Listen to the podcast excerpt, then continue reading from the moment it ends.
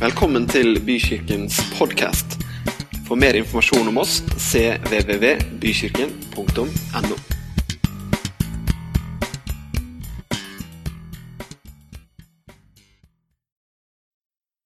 Det er eh, utrolig flott å kunne komme sammen og dele Guds ord. Jeg skal, eh, jeg skal eh, fortsette litt der hvor, der hvor vi begynte forrige gang. Ikke sikkert noen husker det, men du skal få en liten sånn eh, påminner også. Veien snakka vi om. Og da, jo, da skal dere være med på sånn gjettelek hvis veien var tema forrige søndag. Hva kan være tema i dag da? Ja, og hva er trolig tema neste søndag? Å, her er det liksom en bibelsprengt forsamling, altså. Oi, oi, oi. Og Johannes 3, 16, hva står det der? Nei da, det har vi koll på. Men, men ja, skal ikke si det var imponerende, men, men, men betryggende, kan jeg jo si. Det kan jo pastoren si. Det var betryggende at ikke man var helt blank da, liksom. Dere, vi leser denne herlige passasjen fra Johannes 14 sammen. Dere får den på veggen. Jesus eh, går mot avslutningen av sin tjeneste her på jorda. De har noen spørsmål. Peter han har akkurat fått beskjed om at, eh, at når hanen galer osv., så, videre, så så er det ille ute med han. Så sier Jesus dette. La ikke hjertet bli grepet av frykt. Tro på Gud og tro på meg. Nå går jeg til Gud, min far i himmelen, og forbereder en plass for dere der. I hans hus er det mange rom. Når jeg er ferdig med å forberede plassen for dere, vil jeg komme tilbake for å hente dere. For dere skal være der jeg er. Dere vet jo hvor jeg går, og hvordan dere skal komme dit. Thomas sa til han, Herre, vi vet ikke hvor du går, så hvordan kan vi vite veien dit? Jesus svarte, Tro på meg, jeg er veien, sannheten og livet. Ingen kommer til Gud, min far, uten å gå gjennom meg. For ved å bli kjent med meg blir dere også kjent med Gud, min far. Egentlig har dere allerede gjennom meg fått se hvordan Gud er. Så nå kan dere kjenne Gud også. Da spurte Philip, 'Ja, Herre Jesus, kan du ikke vise oss Gud?' 'Det ville virkelig gitt oss all den overbevisningen vi trenger.' Men da svarte Jesus, 'Nå har jeg vært, oss, har jeg vært så lenge hos dere, og likevel kjenner du meg ikke, Philip.' 'Skjønner du ikke at alle de som har sett meg, også har sett Gud?'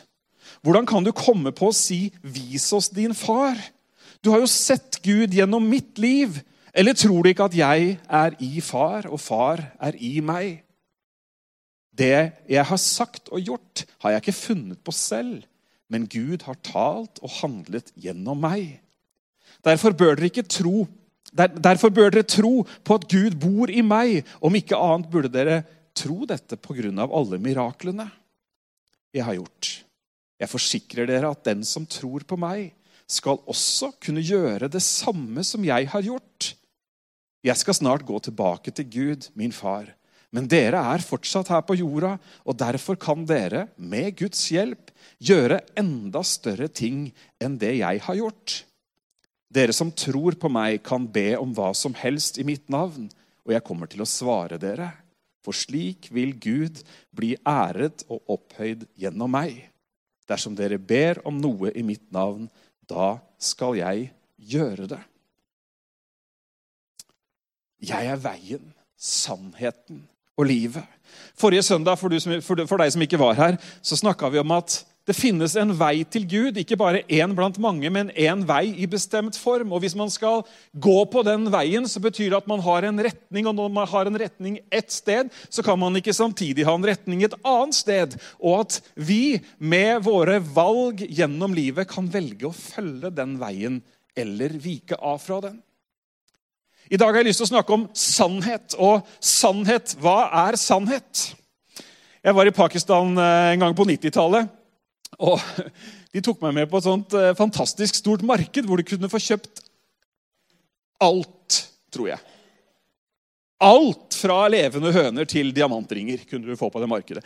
Og så stoppa vi på et lite område hvor det var masse hva skal man si, Jeg kan ikke kalle det butikker, da, men det var jo ute i frisk luft her, men de, de solgte skinnjakker. Masse metervis med skinnjakker. Og vi gikk og kikka litt der. og Så så jeg en som var litt fin, og så sto det en mann med et bredt, hvitt smil der. En ung gutt. Så sto jeg sånn og kjente på det. liksom, Er det Is this genuine leather, or, or is it plastic? Ikke sant? Altså, du, mange som har blitt lurt av det. Er det noen her? Nei da. Og så ser han på meg, så smiler han. Miks! Altså litt av begge, ikke sant? Og vi lo begge to, da. Miks betyr blanding. da. Det er ikke så lett å blande det, kanskje. men... Og sånn er det jo noen ganger litt med, med dette her med sannhet også. Nemlig at, at vi har et forhold til sannhet i vår kultur. Og hvis jeg kunne fått en kopp kaffe. Ole, kunne du hente en kopp kaffe til meg? Og så får jeg et bord her sånn. Det høye som står ved siden av det her. Det er avtalt på forhånd, altså. Fordi at eh, vi har Bare sette det her sånn. Og så kommer det snart noe mer. Vi har en, et forhold til sannhet i samfunnet vårt i dag. Som, og da, Forholdet vårt til sannhet er litt problematisk fordi at Jesus sier ikke det som er politisk korrekt. 'Jeg er en av sannhetene'. Det hadde vært mye lettere hvis han hadde sagt det, syns mange. Men Jesus bruker bestemt form og stor S og sier at 'jeg er sannheten'. Han sier at han er sannheten som en objektiv sannhet. Og du vet, Nå setter jeg den kaffekoppen der på dette bordet. Og den objektive sannheten for forsamlingen her nå, det er at det står en kopp kaffe på det bordet. Kan vi være enige om det? Det kan hende at du ikke føler at det står en kopp kaffe der, men det står en kopp kaffe der. Det er den objektive sannheten. Det kan faktisk ikke diskuteres hvorvidt det står en kopp med kaffe der eller ikke. Er du med på tanken? Og jeg føler det også, for jeg kjente lukta, så jeg fikk faktisk lyst på kaffe. Men, var... Men så finnes det en annen sannhet. Og det er jo her vi blander og tuller. Det finnes ikke en, en, sannhet som ikke er objektiv, men en sannhet som er subjektiv. Altså hvorvidt kaffe er godt for deg eller ikke. Om du liker det. Mange som liker kaffe her? Ja. Mange som ikke liker kaffe her? Ja. Dere har like rett, begge to, i påstanden om at, sannhet, om at kaffe er godt, eller sannheten om at kaffe ikke er godt. Det er din subjektive oppfatning, og den har du rett til å ha. Men din subjektive oppfatning av sannheten endrer den at kaffen står på bordet. Ja, den gjør ikke det. Så Derfor så er det jo spesielt i samfunnet vårt når, når, den subjektive sannheten etter hvert har fått lov å få så stor størrelse at vi omdefinerer eller bortforklarer den objektive sannheten. Er du med på tanken? Hvis alt er så subjektivt at vi drar det så langt at til slutt Nei, det er ikke noe kaffe på det bordet der. Nei, hvis ikke det er noe kaffe på det bordet for deg, så er det vel ikke det for deg, da. Det er like gjerne kaffe der. Og sånn kan du, I samfunnet vårt også så er det sånn Nei, det finnes ingen Gud. For meg finnes det ingen Gud. Ja vel, forsvinner Gud av din subjektive mening om at det ikke finnes noe Gud? Nei, han gjør ikke det. Men det er morsomt hvordan sannheten hva skal man si, i objektiv form den skal, den skal, privatiseres. Den skal du holde for deg selv. Den eksisterer nærmest ikke. Men den subjektive fatning For meg er det det som er veien til Gud. For meg så er det det som er den rette religion. For meg så er det den og den og den tingen. Alt det er jo interessant, absolutt, og alt det er riktig. Alle subjektive oppfatninger er riktig for deg. Men midt oppi dette så kommer Jesus og snakker om en objektiv sannhet. Han sier at 'jeg er veien, jeg er sannheten, og jeg er livet'.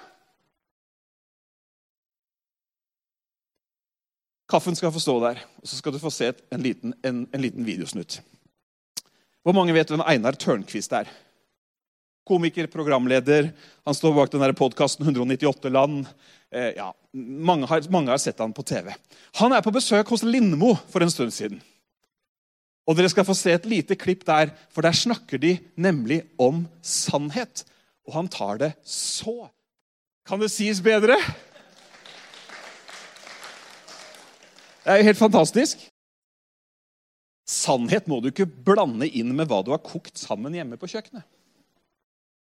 Men det er jo akkurat det som skjer, dere.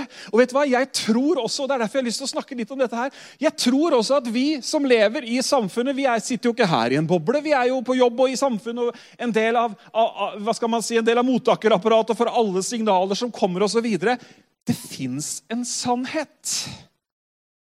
Jeg hørte noen nå som, som de, de, berømmet en, en, en prest som var så fantastisk til å møte folk og på en måte erkjenne at alle har jo en tro. Og alt er like bra, bare du tror på et eller annet. Men jeg er ikke enig. Eller jeg er ikke enig ut fra definisjonen om at Jesus sier at han er sannheten. Da kan jeg anerkjenne det mennesket fordi at det mennesket har åpna døra til sitt indre og har en tro, har en overbevisning, og møte det med respekt og kjærlighet osv. Men respekten og kjærligheten i ytterste begrep ville jo være å si hva som er sant. Ville ikke det? Hvis det er noe som er sant. Og så syns jeg Lindmo hun oppsummerer også hva skal man si, tidsånden på en så utrolig måte. Er det ikke litt nydelig da, dere, at det er din sannhet, og det er min sannhet, osv.? Kjenner dere igjen? For meg er Gud sånn. Ja, Jesus for meg, det er sånn. Og, all ære og, og, og, klapp på skuldra for at du har personlige opplevelser og meninger om hva det betyr for deg. Men det utelukker ikke helheten av hvem Jesus er. For meg er Jesus det. Han er nok noe mer enn det han er for deg. Tror du det kan være det? Prøver ikke å ta fra deg det han er for deg, for det er viktig. Men han er hele sannheten.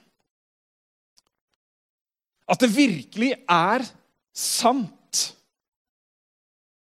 det er avgjørende. Og vet du hva? Bibelen den tar ikke lett på sannhet i det hele tatt. De første kristne tar ikke lett på sannhet i det hele tatt. Mens mange tenker at ja, men kristen tro er jo en fin filosofi. Nei, vet du hva? Når du går og ser på de første kristne, spesielt i tiden rett etter Jesus, så var de utrolig opptatt av sannhetsgehalten i det som ble fortalt. Det var ting som ble fortalt, og det sto fast ved vitners nærvær. Det ble bekrefta av andre. Og Paulus drar det jo kjempelangt når han i eh, 1. Korinterbrev 15 snakker om oppstandelsen. Husker dere hva han sier der? Han sier at hvis ikke Kristus er oppstått, altså hvis det ikke er sant, sier jeg, da er vi de ynkeligste av alle mennesker. Og så sier han litt lenger ut i kapittelet da er vår tro uten innhold. Vet du hva jeg er så glad for at vi kan presentere en tro som ikke er uten innhold? At det faktisk er sant at Jesus er den han sier seg å være.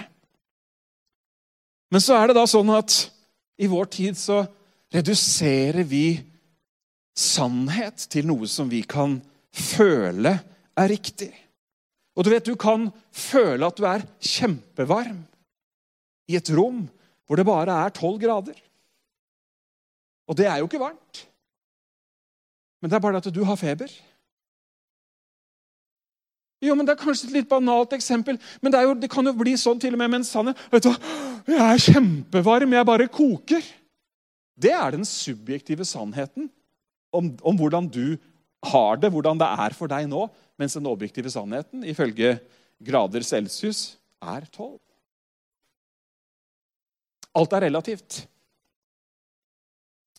Relativisme er et uttrykk for at det finnes ikke én universell sannhet, og at all sannhet er spesifikk i sin samtid og i sin kultur. Ja, men Det er sant for dem, og det er ikke sant for dem. Og det var sant da, og det er ikke sant nå. Men det er noe litt sånn selvmotsigende i denne relativismen. fordi at den sier den, den, den, fremsier at det finnes ingen sannhet, som om det er den objektive sannheten. Ja, og da har man jo sagt egentlig mot seg sjøl. Nei, det finnes ingen sannhet. Det er ingenting som er helt sant. Men da har man egentlig sagt imot seg sjøl. Det er nesten som å komme inn i et rom og si at vet du hva? Her i rommet er det ingen som har lov til å lage noen regler. Du har akkurat laget en regel. Ikke sant?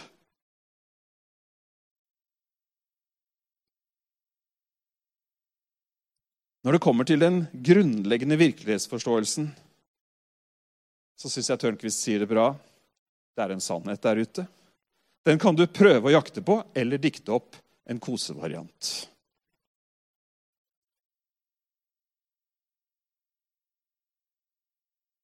Kristen tro og sannhet står i et og Nå er vi ikke inne på noen følelser i det hele tatt.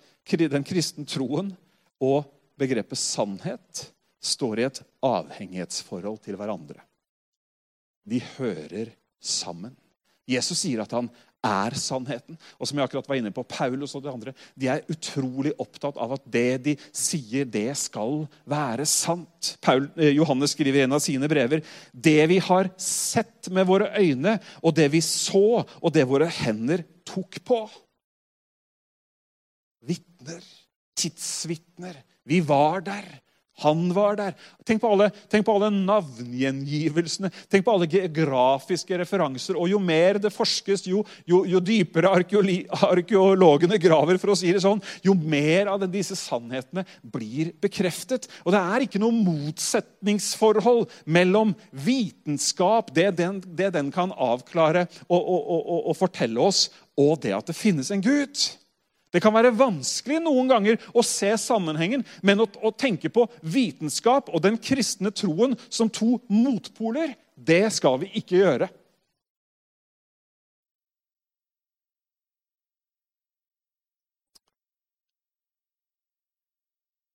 Jesus personifiserer sannheten når han sier 'Jeg er sannheten'. I, i, I, Johannes 14, som vi leste fra, så tar han det så tydelig som å si at når dere kjenner meg, så kjenner dere Gud. Når dere har sett meg, så har dere sett Gud. Og Det er jo her hele det historiske vendepunktet i menneskenes historie skjer, nemlig når Jesus kommer. For plutselig så blir ikke Gud bare et begrep eller noe som er litt fjernt, som ikke man helt vet alt om, men plutselig, eller som bare er en åndelig tilstand. Plutselig så blir jo Gud menneske, og vi ser hvem Gud er. Dere fikk en liten sånn reklame, eller lite innblikk i hva vi ser på TV for tida. Og den, den serien den er fantastisk, men vi, de, de, får jo se, de som levde da, hvordan Gud er, hvordan han møter mennesker, hvordan han håndterer situasjoner. Og, og all ære til skuespiller og regissør, for det er så utrolig godt fremstilt i den. Men vi, for oss er det jo ganske gammelt nytt. Vi har lest disse evangeliene fram og tilbake veldig mange ganger. Men så kan jo eh, filmskjermen hjelpe oss til å, til å se nye ting også.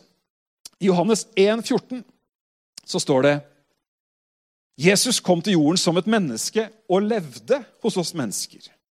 Vi fikk se hans herlighet, en herlighet som Guds egen kjære sønn har fra sin himmelske far.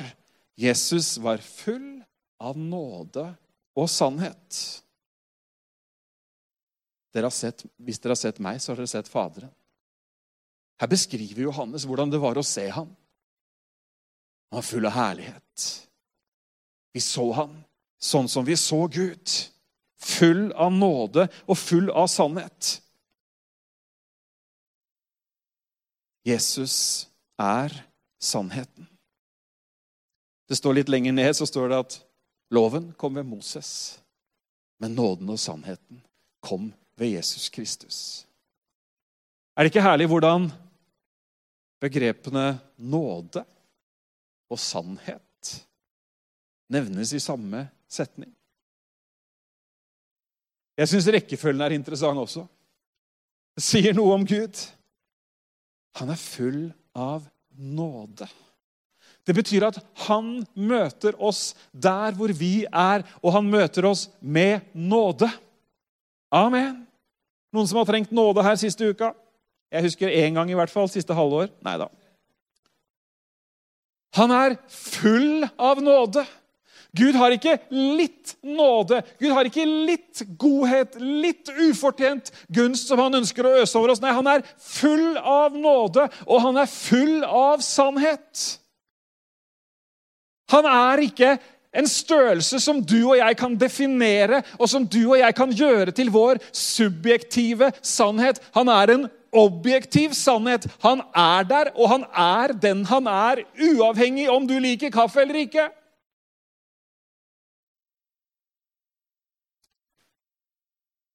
Er ikke det fantastisk? At han er det. Jesus er sannheten. Og når vi ser ham, så kan vi, så kan vi, så kan vi når vi leser om ham, så kan vi få vite hvordan er, hvordan er det egentlig hvordan, hvordan møter Gud av folk som andre ser ned på. Det er ikke vanskelig å finne svaret på det. Det er jo drøssevis av historier hvor Gud, Jesus, hvor, hvor Sønnen, Guds sønn, møter mennesker som ingen vil ha noe med å gjøre. Hva slags behandling får de? De får nåde og sannhet. Heller ikke jeg fordømmer deg. Gå bort og synd ikke mer. Hvor er de som fordømmer deg?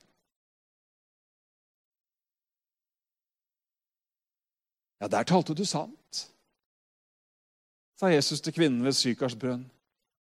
For du har hatt fem menn, og han du har nå, er heller ikke din. Den time kommer, sa Jesus til den samme kvinnen. Da det ikke betyr noe om du tilber på Garisim eller du tilber i Jerusalem, men sanne tilbedere skal tilbe Gud i ånd og sannhet. Jesus er sannheten, dere. Og nå skal vi gå litt videre, for tida går jo fryktelig fort her en søndag formiddag.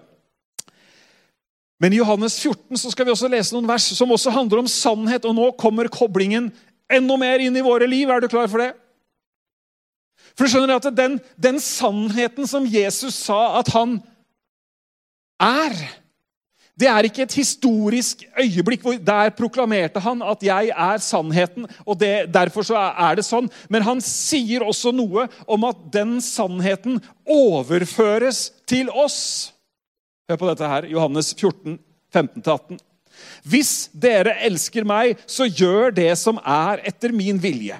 Jeg skal be Gud om at han skal sende dere Den hellige ånd for å være sammen med dere til evig tid. Han er Hva står det? Sannhetens ånd. Bare de som vil gi livet sitt til Gud, kan få erfare Den hellige ånd.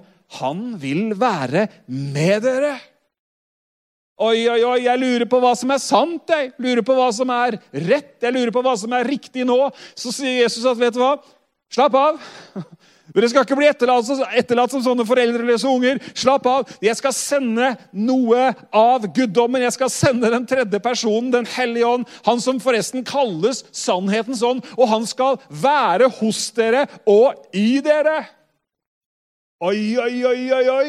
Et annet sted vet du, så står det ikke at derfor så trenger dere ikke at noen lærer dere. Hva er det snakk om? Jo, det er snakk om at den sannheten som Jesus sier han er, den har flytta inn i vårt indre og er vår leder, er vår ledetråd, er vår veiviser i alle mulige vanskelige valg. Sannhetens ånd! Oi, oi, oi. Og jeg er så glad for at i 2022 så finnes sannhetens ånd fortsatt på jord. Og han har flytta inn i meg, sånn at vi kan står, Jesus sier et annet sted vet du, Kanskje jeg har det til meg. Nå snakker jeg så fort at det går veldig fort. Jo, det står, det står Jeg kan lese videre. Han skal være med dere. Ja, han vil være i dere, og dere vil kjenne ham. For jeg kan ikke forlate dere og la dere sitte igjen alene her som foreldreløse barn. Jeg skal komme til dere gjennom Den hellige ånd. Og så står det i kapittel 15 Han holder på holder, preker lenge. vet du.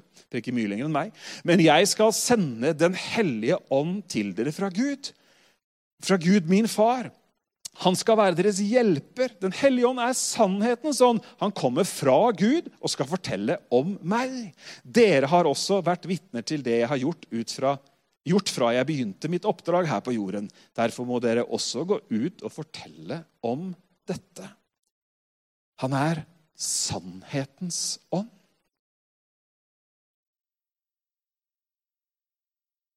I oss. Han er liksom kilden som hele tiden forteller, minner oss om hva Jesus har gjort, hvem Jesus er, hva han har gjort for oss, gir oss styrke, gir oss kraft osv. Det finnes hos han. Så når Jesus sier at han var eller Den gangen så sa han at 'jeg er sannheten'. Så slutta det ikke med han, men han ga også den delen av seg selv til oss. sannhet. Dere, jeg skal få hjelp av eh, Jack og Torgeir og Samuel.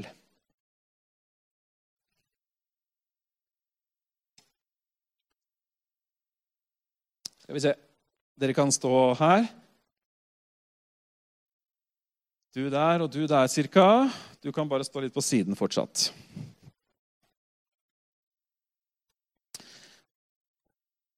Bibelen har mange begreper om, om, sannhet.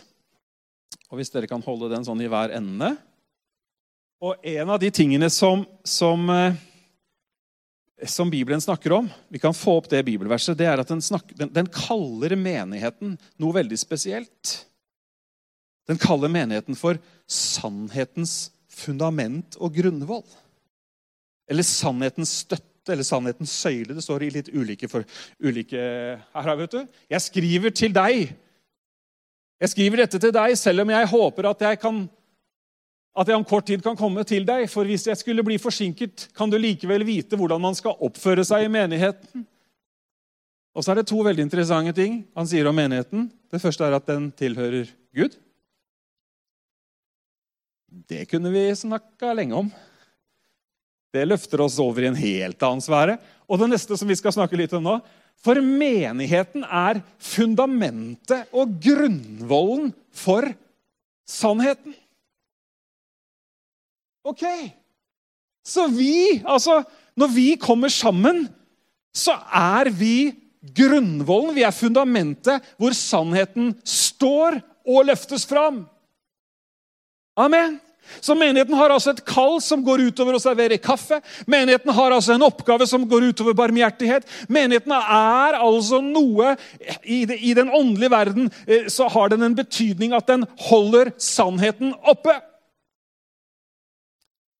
Og det skal vi prøve å vise nå. nå, kan, nå, nå eh, dette er menigheten. Takk og pris at det er flere enn dem. Men dette er menigheten. Og den menigheten, den holder denne sannheten det er sannheten de holder her. Sånn at eh, en ungdom, for eksempel, da, han er ganske ung, den kan faktisk sitte Altså, den kan løftes opp sånn at sannheten bærer personen. Er ikke det nydelig? Ja, nå får vi se hvor lenge de holder på. Ha, det, er ganske, det, er ganske, langt, det punktet her, så dere får ta en pause når det, når det passer. Men ikke sant, altså, menigheten er sannhetens støtte og grunnvoll. Menigheten er det stedet hvor sannheten løftes opp. Og når sannheten løftes opp, hør her Når sannheten om Gud løftes fram, så løftes sannheten om deg fram. For når Gud blir løftet opp, og vi hører hva han sier om oss, som vi sang her i denne You Say-sangen, så sier det også noe om hvem vi er. Og vet du hva, du og jeg, vi trenger å bli løftet. Amen.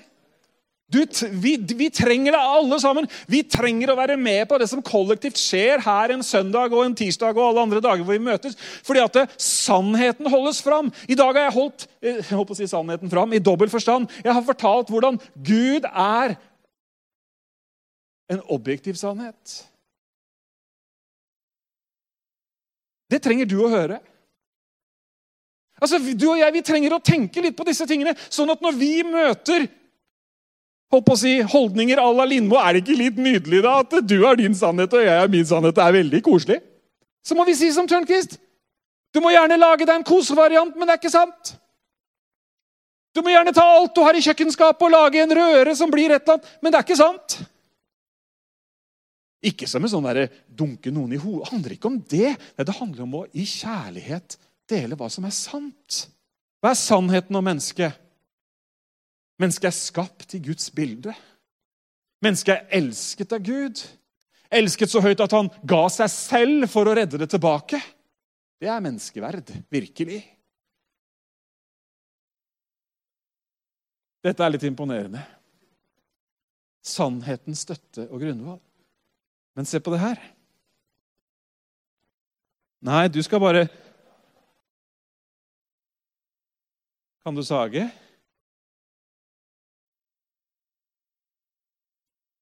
Stopp litt der, eh, Samuel. Hva skjer hvis sannhetens støtte utsettes for dette her? Kan han sitte på allikevel? En stund?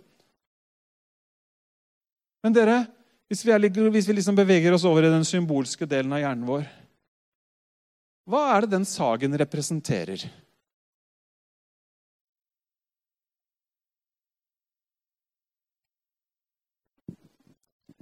Det er lov å si noe når man stiller Altså, hva, hva, er det, hva er det som skjer her? Ødelegger det fundamentet som holder sannheten fram? Hvilke, altså, hva er det i tiden vår, da, for å liksom gå over i litt mer sånn åndelig språk? Hva er det i tidsånden som gjør det som Saga gjør med menigheten? Hva er det du og jeg gjør som kanskje ikke bevisst er en sånn der Ja, nå sager vi menigheten ned, dere. Nå finner vi en sånn uh, slegge og hammer, og så får vi det ned. Men altså, hva er, det, hva er, det, vi kan ende opp med å gjøre, og hva er det som skjer i deler av den vestlige verden med menigheten? Jo, den svekkes. I Norge så er det mange menigheter som blir mindre og mindre. Det er mange som ikke er her om noen få år. Rett og slett.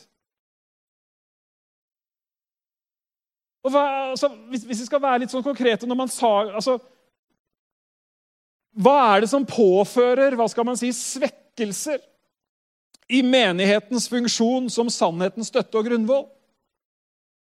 Hva kan det være? Jo, det kan være at vi f.eks. er med i menigheten, men vi er ikke med i menigheten. Det er med å svekke fellesskapet, ikke sant? Derfor så sier Paulus la, dere, la, oss ikke, nei ikke Paulus, men forfatteren av brevbrevet sier, la oss derfor ikke holde oss borte når forsamlingen møtes. Jeg har ikke sagt at de skal stå så lenge, men her er det veldig bra. Men du skjønner det at når Når, eh, når vi slutter å komme, så er det ikke bare at du slutter å komme, men det blir én sånn levende stein mindre i det åndelige tempelet. Det blir litt svakere, og nå syns du kanskje at dette her er veldig drastisk, men vet du hva? jeg er litt opptatt av at Jeg kan få sage det til hvis du vil. Jeg er litt opptatt av at vi skjønner at menigheten har en funksjon. Og det å bygge en sterk menighet handler ikke om å nå et visst antall, eller at det handler om at vi liksom skal fylle en eller annen samfunnsoppgave. Nei, det handler om at vi er, en, en, vi er grunnlaget, vi er fundamentet, der hvor vi er stedet, der hvor sannheten holdes oppe, holdes fram. Amen. Men hvis vi slutter å komme, hvis vi slutter å delta hvis vi slutter å gi, så er egentlig det vi gjør Vi driver og sager av den greina vi sitter på.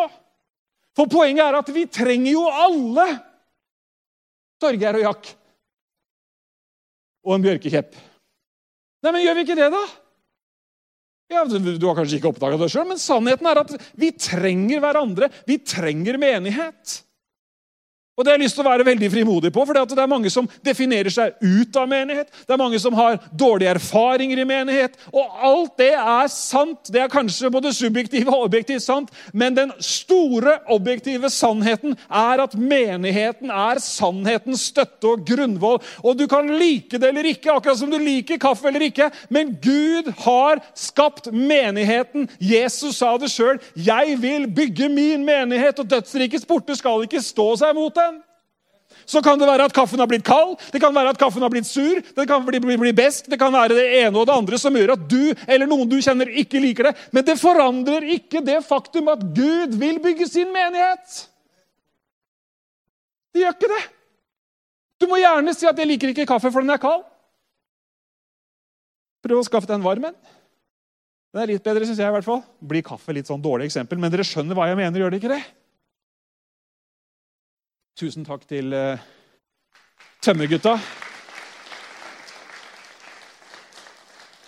Beklager at du måtte ha noe med sagflis å gjøre på en søndag. Det er jo din fridag, tross alt. Ja. Sannhetens støtte og grunnvoll. Ja vel, så nå, Bent Ove, nå har vi fått agendaen. Nå skal vi være nå skal vi være de som dunker alle i hodet med alle mulige kristne sannheter som er blitt presentert opp gjennom tidene. Nå skal vi bli sånn politisk eh, aksjonsmenighet. Jeg håper ikke noen sa ja nå. For det skal vi ikke bli. Vi skal løfte opp Han som er sannheten. Og vet du hva? Når Han løftes opp, da kneppes den øverste knappen i skjorta, og det er bare når den øverste er knept, at du kan få de andre i riktig rekkefølge. Sannheten, Jesus Kristus, han er den som setter oss fri. Og vi er en sånn menighet som vil løfte fram, holde oppe, si hva som er sant. Vet, noen ganger når jeg snakker med folk sånn én til én det, det, kan det kan jo være så fristende å liksom ja, nei, men Så fint hvis det er fint for deg, osv. Det ligger på meg. Jeg må jo si det som er sant. Ikke, ikke sånn ikke møte folk der hvor det er. Det er ikke det jeg snakker om. Men vi må jo holde sannheten fram. Være kjærligheten tro. Jeg skal lese noen skriftsteder før vi skal synge sammen.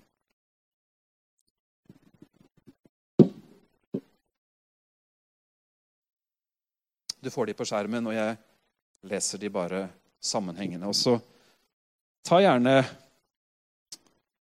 en bibelordbok eller appen din eller et eller annet, og så skriv sannhet eller sannheten, og så se alle de steder hvor det omtales. Men et sted så står det at sannheten gleder, eller kjærligheten gleder seg over sannheten. Kjærligheten gleder seg ikke over urettferdighet, men den gleder seg når sannheten vinner. Kjærligheten tåler alt. Den tror på andre, håper i det lengste, og den er tålmodig til å holde ut gjennom alt. Så leser vi at Paulus skriver at sannheten har en positiv påvirkningskraft. Dere har mye kjærlighet fordi dere selv har fått kjærlighet da dere tok imot evangeliet. Dere lever nå og Det er jo akkurat det som Jesus snakka om i Johannes 14. Dere lever nå i en forventning om at Gud har gjort klar en plass for dere i himmelen. Fordi dere har tatt imot sannheten, har den virket positivt i deres liv, slik den gjør overalt i verden hvor evangeliet blir forkynt. Dere har bøyd dere for sannheten om at Gud er Gud, og han har i sin godhet tilgitt våre synder. Det står også i Bibelen om å ikke like sannheten. Paulus skriver til menigheten i, eh, i Galaterbrevet og sier, 'Hva har skjedd?' Hvor har det nå blitt av den begeistringen dere hadde? Jeg har jo til og med fortalt andre om deres enorme begeistring, og om at det hadde vært nødvendig, hadde dere, og om det hadde vært nødvendig, hadde dere revet ut øynene deres og gitt dem til meg. Er det fordi dere ikke lenger Er det fordi dere ikke liker sannheten lenger? At dere er blitt mer fiendtlig innstilt til meg? Så avslutter vi med en bønn om å få leve i sannhet. Salme 86 sier, For du er stor og gjør underfulle gjerninger. Bare du er Gud. Lær meg din vilje for mitt liv, Herre. Jeg vil leve i sannheten som du viser meg. Gi meg et helt hjerte, så jeg respekterer ditt navn i ydmykhet. Amen.